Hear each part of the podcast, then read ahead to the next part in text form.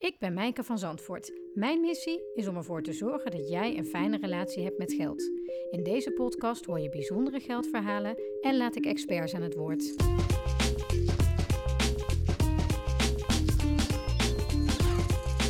Welkom bij een nieuwe aflevering van de Rijker Leven podcast. Ik ben aangeland in Varik. Varik uh, is een dorpje aan de Waal.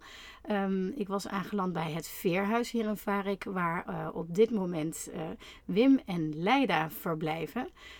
en dat is tijdelijk, want zij hebben een jaartje geleden besloten om hun huis en hun huisraad weg te doen om voor de, verder te gaan in een camper. En daar zitten we nu. Dus eh, ik zit vaak bij mensen aan hun keukentafel. En uh, dit is ook wel een soort van keukentafel slash uh, huiskamertafel. leuk dat ik bij jullie langs mocht komen. Um, we zitten nu in Varik. Misschien kunnen jullie eerst vertellen hoe zijn jullie hier zelf eigenlijk terechtgekomen? Want jullie woon, woonden in Berkel-Enschot in Brabant. Nou, wij zijn in oktober via Social Venture Network die hadden hier een uh, kampvuur, zo'n jaarlijkse activiteit gekomen. En uh, nou, wij zijn lid van die, uh, van die club. Op enig moment vroeg de eigenaar of mensen geïnteresseerd waren om in de kerstperiode het veerhuis te runnen. Nou, we hebben elkaar aangekeken en daar hebben we dus ja op gezegd. niet weten wat het allemaal inhield, bed and breakfast en uh, tosti's maken en, enzovoorts. Maar we zitten hier dus om die reden dat het gevraagd is. En jullie zijn hier eh, een kleine twee weken in totaal? Ruim twee weken. Ja, en waar waren jullie hiervoor en waar gaan jullie hierna naartoe? Nou, hiervoor stonden wij aan de rand van de Campina. Bij Oosterwijk hebben we een tijdje gestaan. En waar we naartoe gaan hierna, dat weten we nog niet. Want wij hebben geen uh, plan. Dus er kan nog van alles gebeuren dat we zeggen, oh, dat is misschien ook leuk om daar naartoe te gaan. Of, dat weten we nog niet. En kijken jullie dan s ochtends als jullie wakker worden hoe het voelt of hoe werkt dat? Ja, als wij, uh, als er verder niks bijzonders uh, op ons pad komt, waar we denken, nou daar moeten we naartoe, dan, dan pakken we de boekjes erbij of zo. Van wat gaan we naar die natuurcamping of uh, gaan we die kant op? Of oh, daar is ook een wintercamping open. Dan kiezen we zo. Ja. En hoe is het allemaal zo gekomen, Wim? Want jij was directeur van een groot bedrijf. Uh, en toen ben je op een gegeven moment met pensioen gegaan. Dat is al een aantal jaar geleden. Ja, ja dat klopt. Een jaar of vijf geleden? Nee, drie jaar geleden. Drie jaar geleden? Ja. Um, was er toen al een wens om dit te gaan doen? Of is dat langzaam daarna pas ontstaan? Nou, de wens is niet bij mij ontstaan. Die is bij Leida ontstaan. Maar daar kan ze daar straks zelf over vertellen. Want zij is meer de aangever in, in dingen van, nou, dat zou ik wel willen. Maar voor mij was het uh, het avontuurlijke daarin wat mij aansprak. En ook het feit dat ik altijd geïnteresseerd ben uh, in inspiratie en veranderingen. Dus ja, ik vind het leuk om dingen te delen met andere mensen. Uh, en daar kan iedereen mee doen wat ze ermee willen doen. Maar om daarover in gesprek te gaan. En wat betekent dat voor mij en wat zou het voor een ander kunnen betekenen. En vandaar dat inspiratie en verandering voor mij zo'n thema is. En dat is, is dat het altijd ook geweest in jouw leven? Ja, ik heb altijd wel gezocht naar uh, vernieuwingen. Met name op maatschappelijk gebied. Hè, van, ook binnen het bedrijf, van hoe ga je nou met dingen om. En, uh, dus ik had het over bijvoorbeeld verantwoorde winst. En ook mensen in het bedrijf de positie geven die ze dus, uh, ja, waar hun kwaliteit het beste naar voren kwamen. Dus toch proberen daar ook een andere vorm aan te brengen dan het standaard. Ja. ja. Maar de, de aanstichter zit naast jou. Ja. Kun je eens vertellen ja, um, ik, ben al jaren bezig als wij in de camper aan het reizen waren, dat ik dat zo ontzettend fijn vond. En dan uh, kom je weer thuis en dan is het in het begin eh, best fijn. Oh, je hebt alles weer op gemak en ruim. En is de laatste jaren is dat heel erg veranderd. Dan vond ik het in de camper zijn zo fijn dat ik. en ook het, vooral het minimalisme. Wat, wat, dat je hebt gewoon heel weinig spullen nodig. En thuis heb je gewoon heel veel ruimte en je hebt gewoon heel veel spullen. En dus ik ben er al jaren mee bezig, maar heel onbewust om dan ook deze keuze te maken in een camper te gaan wonen. Dat, dat was er helemaal niet. En ik kreeg vorig jaar, voelde ik, voorjaar voelde ik heel duidelijk, er gaat, een hele, gaat iets veranderen. Ik wist niet wat, Maar ik, ik heb er ook niet verder over nagedacht. Ik heb me ervoor geopend. Ik denk, nou, het is helemaal oké wat er gaat veranderen. En dan komt er op een gegeven moment, ga je het overal lezen. Mensen die eh, minimalistisch gaan wonen, het ontspullen, in de camper reizen. En eh, eerder zou je nog denken, ah, nou dat is ook toevallig. En uh, ik denk, nou, dat is niet, het is gewoon fantastisch mooi hoe het zich ontvouwd heeft. En jij werd ook heel erg aangesproken door, door die artikelen. En toen lazen we één artikel in de Optimist. En daar, die vrouw die zei van als je dus echt iets wilt gaan doen, dan moet je een datum stellen. En die kwam zo binnen bij ons. En toen hebben we de datum 1 april. Uh, eh, 31 maart. Want geloven mensen ons niet 1 april. en dat was ongeveer vier maanden later nadat wij het uh, besluit hadden genomen. Want op het moment dat, je wist van er gaat nu iets veranderen en ik weet niet wat, uh, hebben jullie het er dan meteen met elkaar over of hou je dat gevoel dan nog even voor jezelf? Nee, daar heb, het, e-, heb ik eigenlijk niet zo uitgesproken. Nou, wat wel, we hadden allebei dat artikel gelezen van enkele mensen die dus gingen reizen in de camper en van daaruit hun werk ook deden. En daar raakten we ook over in gesprek. Dus ja, we hebben wel onderling ja, dat van tevoren. Niet, niet van tevoren. nee, want ik, eh, ik had ook geen idee wat, wat het was. Wat die verandering was. Ik merkte wel in de loop van dat jaar voordat we erover gingen lezen, dat uh, heel veel spullen in huis, waar je denkt, nou dat mag ook eens een keer vernieuwd worden zeg. Dat ik dan dacht, nou hoeft niet meer.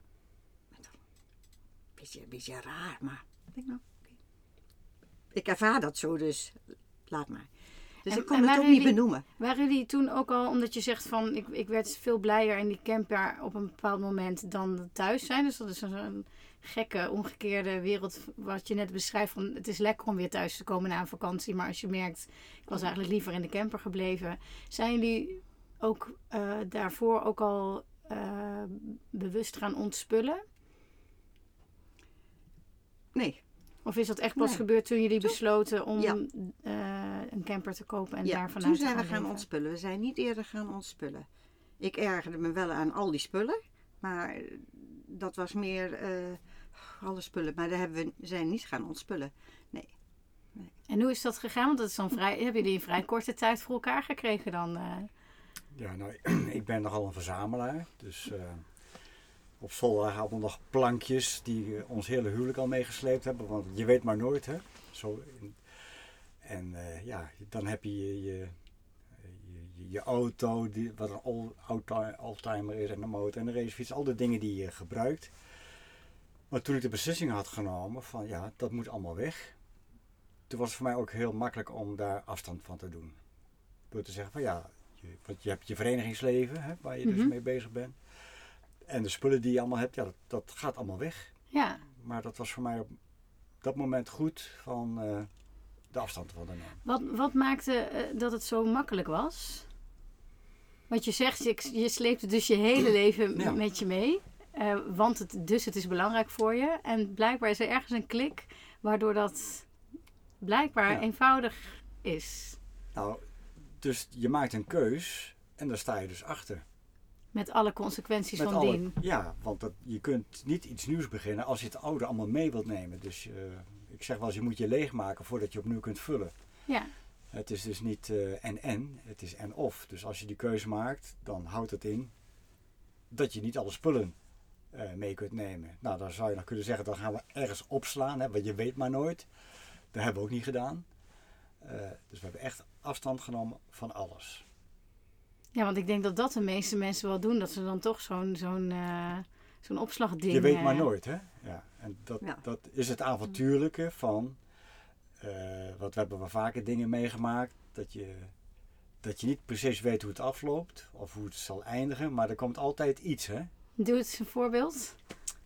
Uh, wij zijn in IJsland geweest. En we hebben volgens de Wim Hof methode iets met koude gedaan. Uh, en we moesten op een gegeven moment, we waren altijd gewend om zo het koude water in te lopen. En op een bepaald moment uh, gingen we naar een gebied toe waar, die, waar kloven zijn, hè, omdat het land gaat daar uit elkaar. En ik dacht, uh, waar, hoe moeten we nou hier het water inlopen? Hè? Dat was op een gegeven moment al zes meter hoog. En ja, we, hier stoppen we. Nou, er werd heel dappere temperatuur eh, van het water gemeten. Dat was 2 graden Celsius. En er werd gezegd, ja, we gaan hier van afspringen. En dan moeten we daar naartoe zwemmen.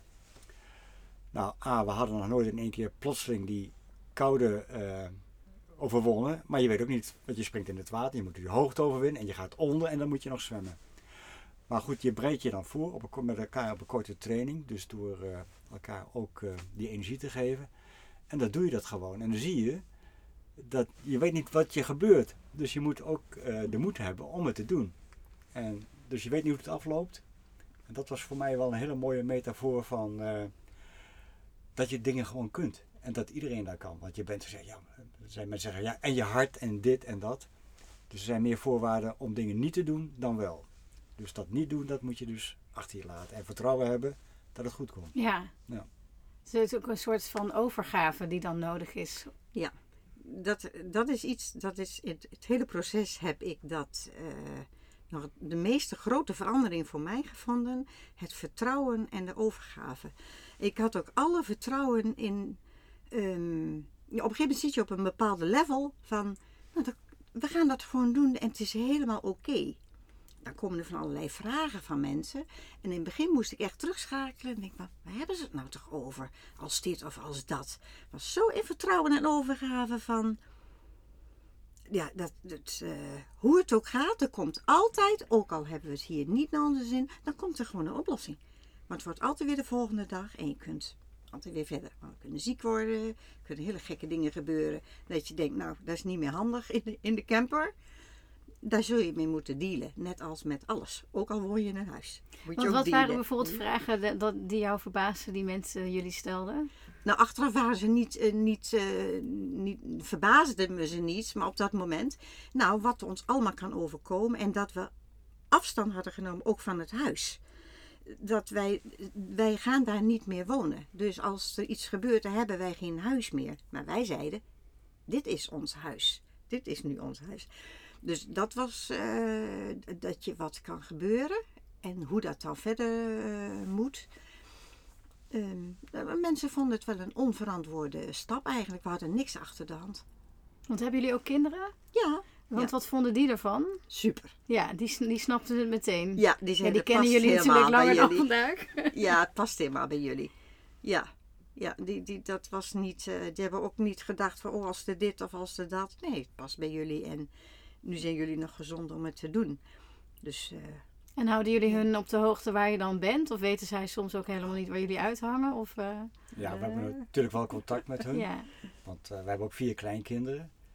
Maar we hebben, eh, ja, als we ergens staan, kijken we van, nou, is er een trein? Eh, we hebben fietsen, dus je kunt de fiets meenemen op de trein of wat dan ook. Dus eh, als we wat langer weggaan naar het buitenland, is het, is het een ander verhaal. Maar wij proberen altijd wel zo een plek te vinden dat wij ook naar andere activiteiten die we willen doen, mobiel zijn om met openbaar vervoer of de fiets of beide ergens naartoe te gaan. En maakt het feit dat je die kinderen en kleinkinderen hebt ook dat je niet al te ver weg gaat? Of is de wereld aan jullie voeten in die zin? Nou, ik vind, ik zou, sommige mensen denken dat wij eh, eh, helemaal weg zijn gegaan, eh, jaren. Dat hebben wij nooit gezegd, maar dat zou ik ook echt niet willen. Van toch bij de kinderen bereikbaar zijn. Nou, straks gaan we misschien twee maanden naar Marokko, dan ben je weer niet bereikbaar. En, dus dat, dat varieert nu veel meer. En wat ik zelf het fijne vind en waar heel veel mensen vragen over stelden, is eh, het, eh, het dan hier wonen en dan daar wonen, veel in de natuur, dat dat iedere keer varieert, dat vind ik dus heel fijn. Terwijl ik me nooit opgesloten heb gevoeld in ons huis. Hadden een fijn huis, woonden er ook graag. Maar blijkbaar eh, past het niet meer of zo. Dat gevoel van dat is eh, nu voor een aantal jaren klaar. Dat stramien van je sportclub, je yoga, de, waren allemaal leuk, was niks mis mee. Maar alle dingetjes die je deed, dat is allemaal weg. En dat geeft ons zoveel vrijheid en openheid. Ehm, dat is ervoor in de plaats gekomen. Dus blijkbaar heeft dat toch wat zitten wringen. Of... Terwijl ik dat nooit zo ervaren heb. Terwijl je nooit heel bewust daar misschien mee bezig Nee, was. nee. Want zijn jullie, jullie zijn nu negen maanden onderweg, laat ik zeggen. Eh, merk je dat je dan ook veranderd bent als mens? Als je dit zo vertelt, van ben je een andere leider geworden? Eh, ik vind, ja, wij, eh, je hebt veel meer tijd voor elkaar. Je hebt veel meer tijd voor de dingen. Ik, je wordt opener. Mhm. Je ontmoet veel meer verschillende, verschillende mensen. Dat is natuurlijk ook wel, eh, wel logisch. En ieder mens heeft zijn verhaal. En het is net of je...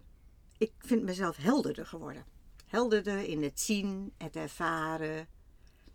Omdat heel veel dingen er gewoon niet meer zijn. Dus dat is de ruimte die er is gekomen en waarin heel veel gebeurt op een niveau die ik bijna niet in woorden kan vatten. Herken je dat?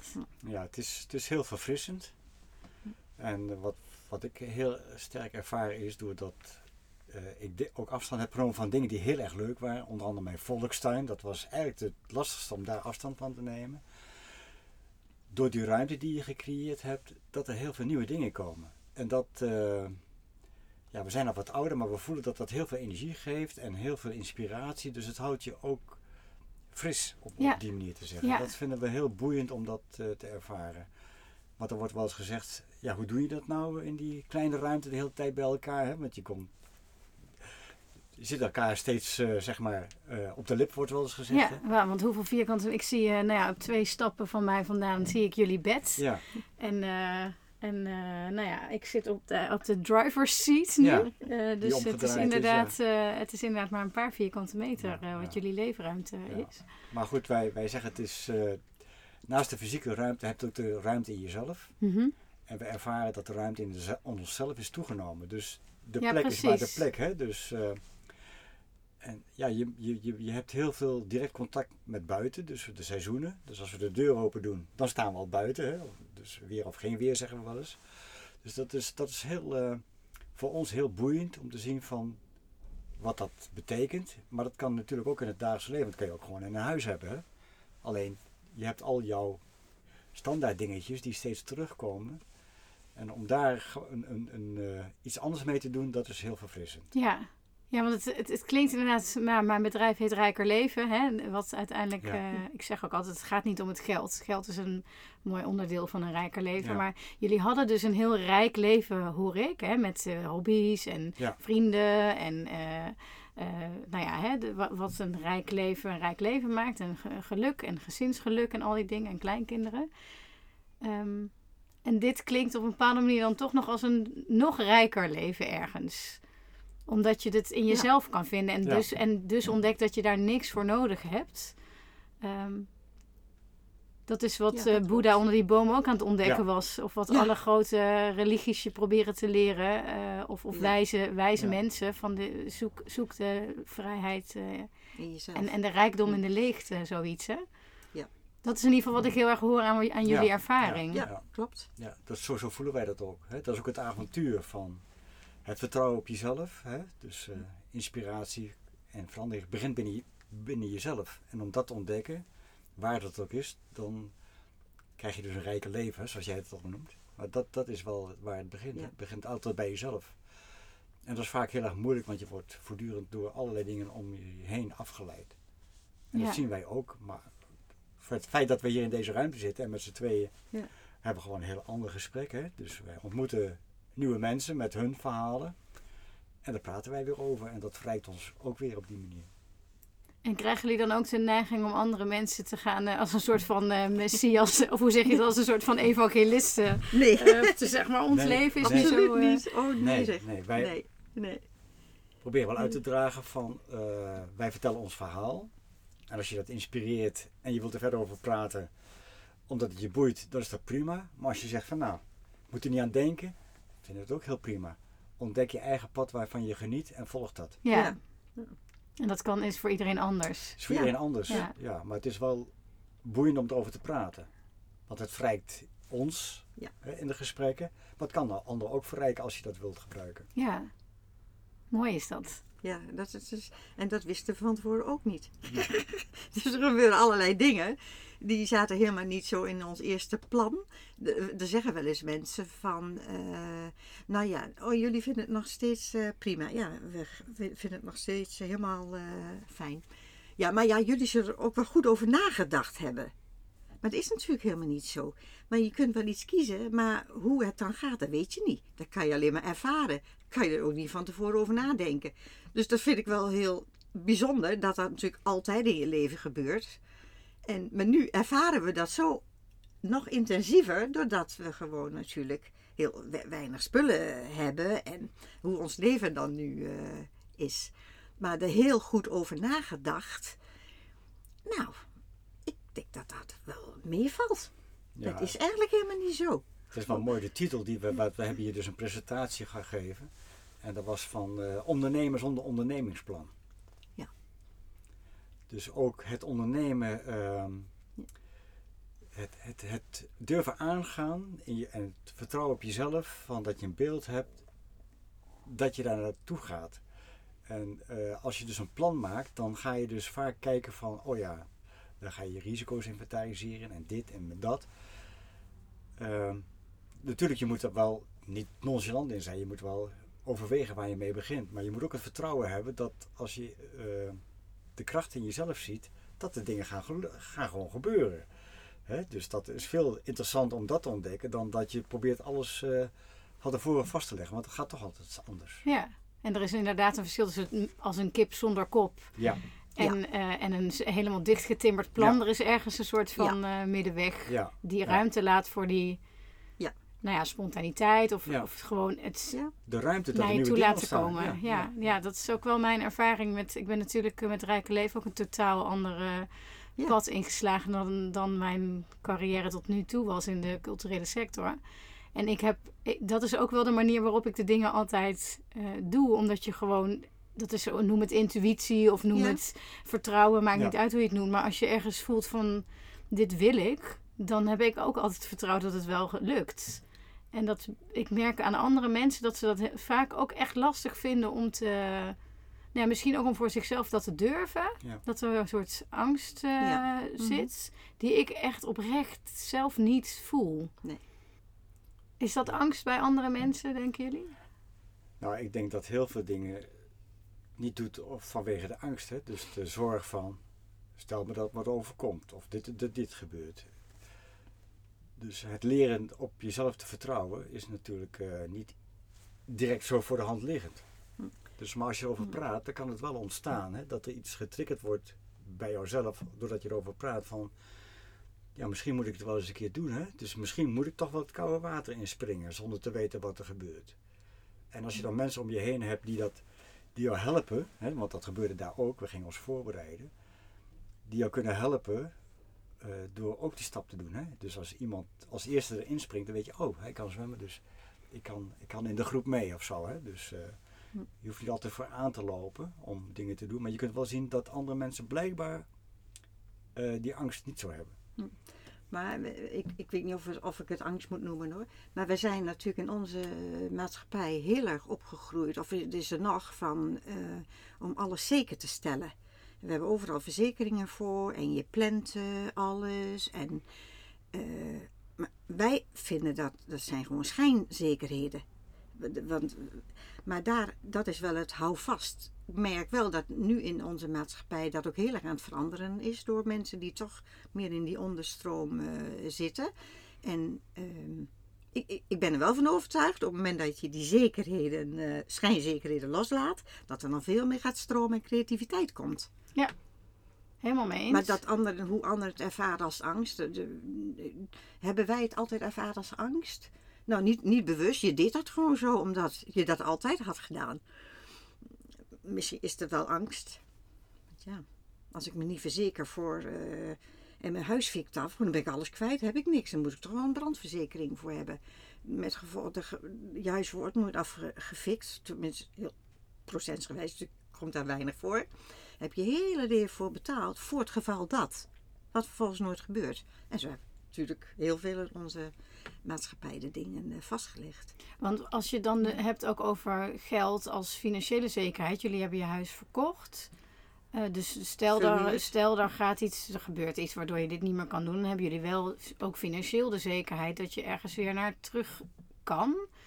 Um, dus hoe, hoe, verhouden jullie je op dit moment tot, ook tot het hele fenomeen geld, wat ook heel erg een, eh, belemmering of een angst of een obstakel kan zijn om bepaalde keuzes te kunnen maken. Het is ook heel veilig om het wel te hebben en dan te zeggen, nou, we gaan deze keuze maken met het idee van er is een veiligheid ook in financiën. Zouden jullie zonder die veiligheid deze keuze ook zo kunnen Nou, die- durven maken? Nou, die veiligheid is er op dit moment niet zo. Want onze zoon die, eh, die woont met zijn gezin met jonge kinderen in ons huis.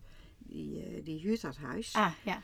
Dus die kunnen wij er niet zo volgende maand uitzetten als ons iets eh, gebeurt. Dat zal ook niet het idee alleen al, dat zou je ook niet doen. Maar zelfs al zouden we het geld van het huis hebben, Mhm. het is, dat is voor mij heel ver weg. Dat, dat, het is wel fijn dat wij een inkomen hebben, nog niet van mij, maar wel van Wim's AOW en pensioentje.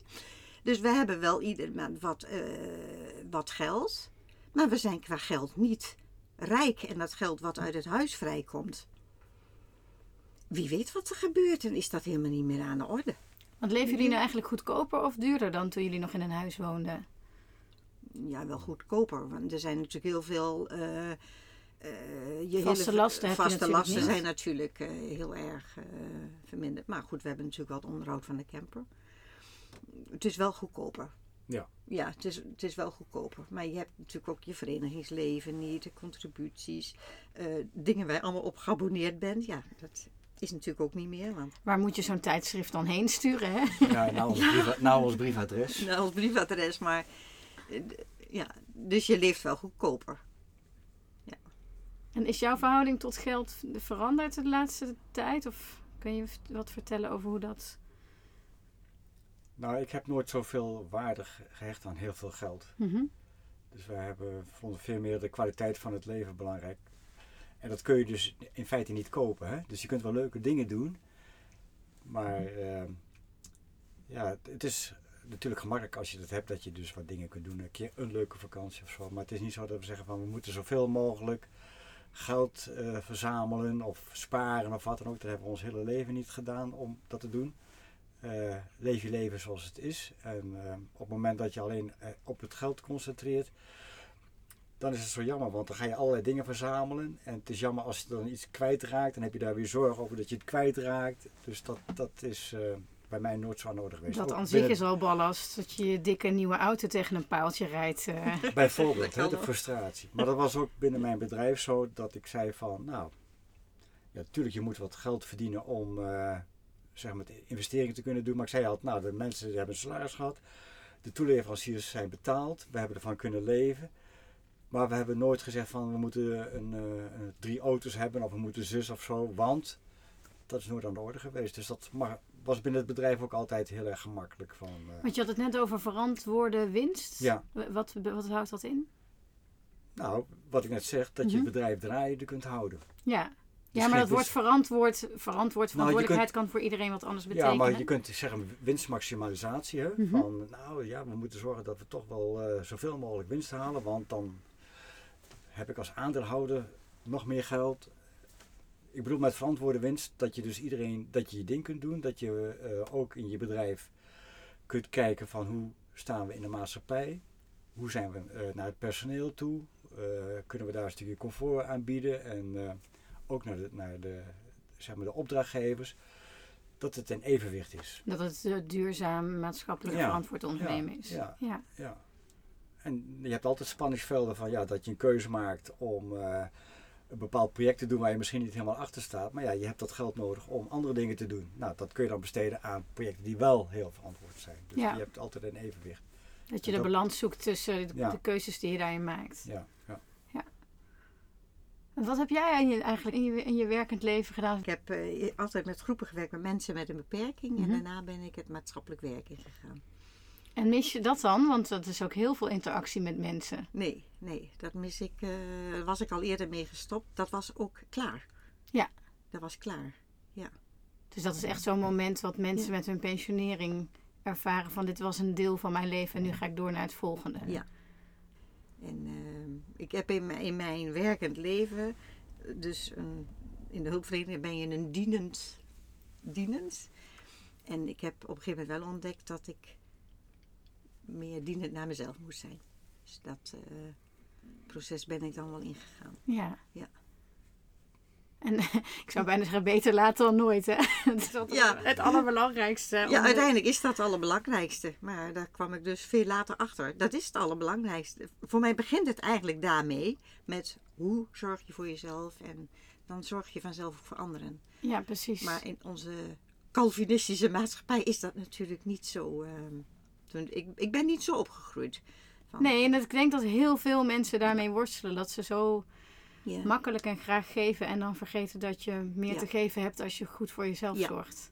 En heb je veel meer te geven. Ja. Ja. Nou, er zijn er vast mensen die luisteren die denken: Oh, ik wil wel iets. Hè? Dat hoeft niet te zijn, ik ga wonen in een camper. eh, maar dat kunnen allerlei dingen zijn. Een, een koude eh, rivier om in te springen.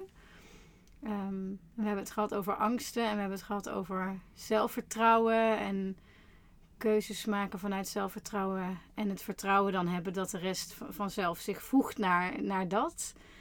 Ehm, hebben jullie een paar tips eh, of, of dingen die je kan meegeven van nou, als je, als je hier nou eens deze vraag voor jezelf beantwoordt of hier iets mee doet, wat zouden jullie... Nou, ik, ik zou als tip willen geven, die heb ik niet zelf bedacht, dus van de, de trainer die mee is geweest naar IJsland. Eh, je hebt natuurlijk grote veranderingen, maar je hebt ook hele kleine veranderingen. En je weet pas hoe jou dat bevalt als je dat gewoon hebt geprobeerd. Ehm, dus ook hele kleine dingen, doe dat eens een aantal weken. In plaats van eh, je twee broodjes kaas morgens, eh pak eens een keer moesli zo. Niet omdat dat gezonder is, maar gewoon om dingen anders te doen. Want als je het anders doet, dan kun je het pas ervaren. En doe dat een aantal weken en voel dan wat goed voor jou is. Nou, misschien ga je terug naar het broodje kaas. Ook helemaal goed. Maar je kunt pas dingen ervaren als je dus doet. Ja, dus je kan een grote angst, als je angst hebt voor een grote verandering, kan je het oefenen in het klein. Ja, Ja, ja. Want we zijn natuurlijk heel erg gewend aan ons vaste patroontje. En met twee kopjes koffie en met twee crackertjes. Zoals ik die eh, s s'morgens nu eet met... Hè? Dat, eh, dat je bijna denkt als je geen koffie s'morgens krijgt. Of de crackers zijn op. Denkt, oh, eh, eh, nou dat is toch raar. Doet het, dan gaat het over zoiets simpels. Dat dat al bij je teweeg brengt. eh, oh, Onrust, Moet, moet, even, ja. even schakelen, even onrust om zoiets simpels. Maar het is wel heel leuk om ermee te oefenen. Want je komt er waarschijnlijk achter dat het andere ook heel lekker is. Dus, en dan gewoon een paar weken eh, dat doen en vooral voelen wat goed voor je is. ja past hele goede je. tip. Ja. Wim kijkt maar verschrikt aan. Oh jee, nou moet ik een tip. Nee, nee. niks moet hè, maar... Nee, kies momenten voor jezelf. Wat ik eh, eh, zie is dat je dus eh, op het moment dat je dat wil doen, dan gaat de telefoon of er gebeurt allerlei andere dingen. Dus ik, eh, ik deed wel eens, als ik achter mijn bureau zat, dan voelde ik hoe ik zat. Ja. Hm. Gewoon om bij mezelf te blijven van nou, nou heb ik even tijd voor mezelf. Eh, en ik denk dat dat eh, ook een, iets is wat, wat je kunt gaan doen. Besteed even aandacht aan jezelf. Dat wil zeggen van neem de rust voor jezelf. Hoe voel je, hoe zit je? Dus je hoeft dan niet eh, zeg maar te gaan mediteren. Dat kan ook, maar je kunt Dat kan een heel kort moment. kan een heel kort even- moment van oké, wat gebeurt er nu allemaal? Hè? Van, nou, want je wordt voortdurend van je, weg, van je centrum weggehaald. En eh, nou, als je dat bewust bent, dan kun je even weer een moment voor jezelf kiezen. Kan ook in een vergadering, hè, waar heel veel dingen gebeuren, dat je denkt van nou, Ademen. ademen, Ja. even rustig zitten van hoe voelt het, zit ik op die stoel of hoe staan mijn voeten, hè? Zit, ik, eh, ben ik, zit ik ontspannen? Het hoeft maar een moment te zijn, maar het is die bewustwording dat dat gebeurt. En dat je dan even weer bij jezelf bent, want daar gaat het steeds weer om. Nou, dit zijn volgens mij twee toptips. Ja. Dank jullie wel dat jullie eh, je verhaal wilden vertellen. Ehm, is er nog iets wat jullie zelf denken van, oh, dat, dat wil ik nog kwijt? Of hebben we alles wel een beetje gehad? Nou, voor, voor onze reis is dit wel eh, hetgeen wat we vertellen. Wat we wel heel leuk vinden, is om het met anderen te delen. Ja, kunnen mensen jullie nog op een of andere manier volgen? Of eh, hoe, weet, hoe weten mensen als jullie weer een lezing geven dat dat is? Wat is de beste plek om heen te gaan? Nou, we zitten dan via LinkedIn. Mhm. En zelf heb ik, ik heb nog wat ambitie om een website te maken. Centrum voor Inspiratie en Verandering. .nl of... eh, Ja, zo.nl. Dus, eh, Maar dan moet nog, de naam is al wel ingegeven, maar dan moet nog. maar wij hebben ook dat, is iets wat. Het is Nee, wel, op nee. LinkedIn hebben we wel een, dat ik dan wel eens een verhaaltje zet hè, van, eh, oh, we gaan dit doen. Maar dat is op dit moment het eh, wat we dan doen. Dus voorlopig mochten mensen denken, eh, we willen op de hoogte blijven, zoek op Wim van Dijk op LinkedIn. En, en anders dan, eh, ik zei net al, jullie zijn nu negen maanden onderweg. Laat ik eh, over een paar jaar Dat nog eens leuk. terugkomen Ja. om te kijken hoe, dat, eh, hoe het er dan voor Ja, staat. heel leuk. Ja, dat gaan we doen. Ja. Dank jullie wel. Bedankt. Bedankt voor het luisteren naar deze aflevering van de Rijker Leven podcast. Ben je nieuwsgierig geworden naar wat een rijker leven voor jou zou kunnen inhouden? Kijk dan eens op www.rijkerleven.nl.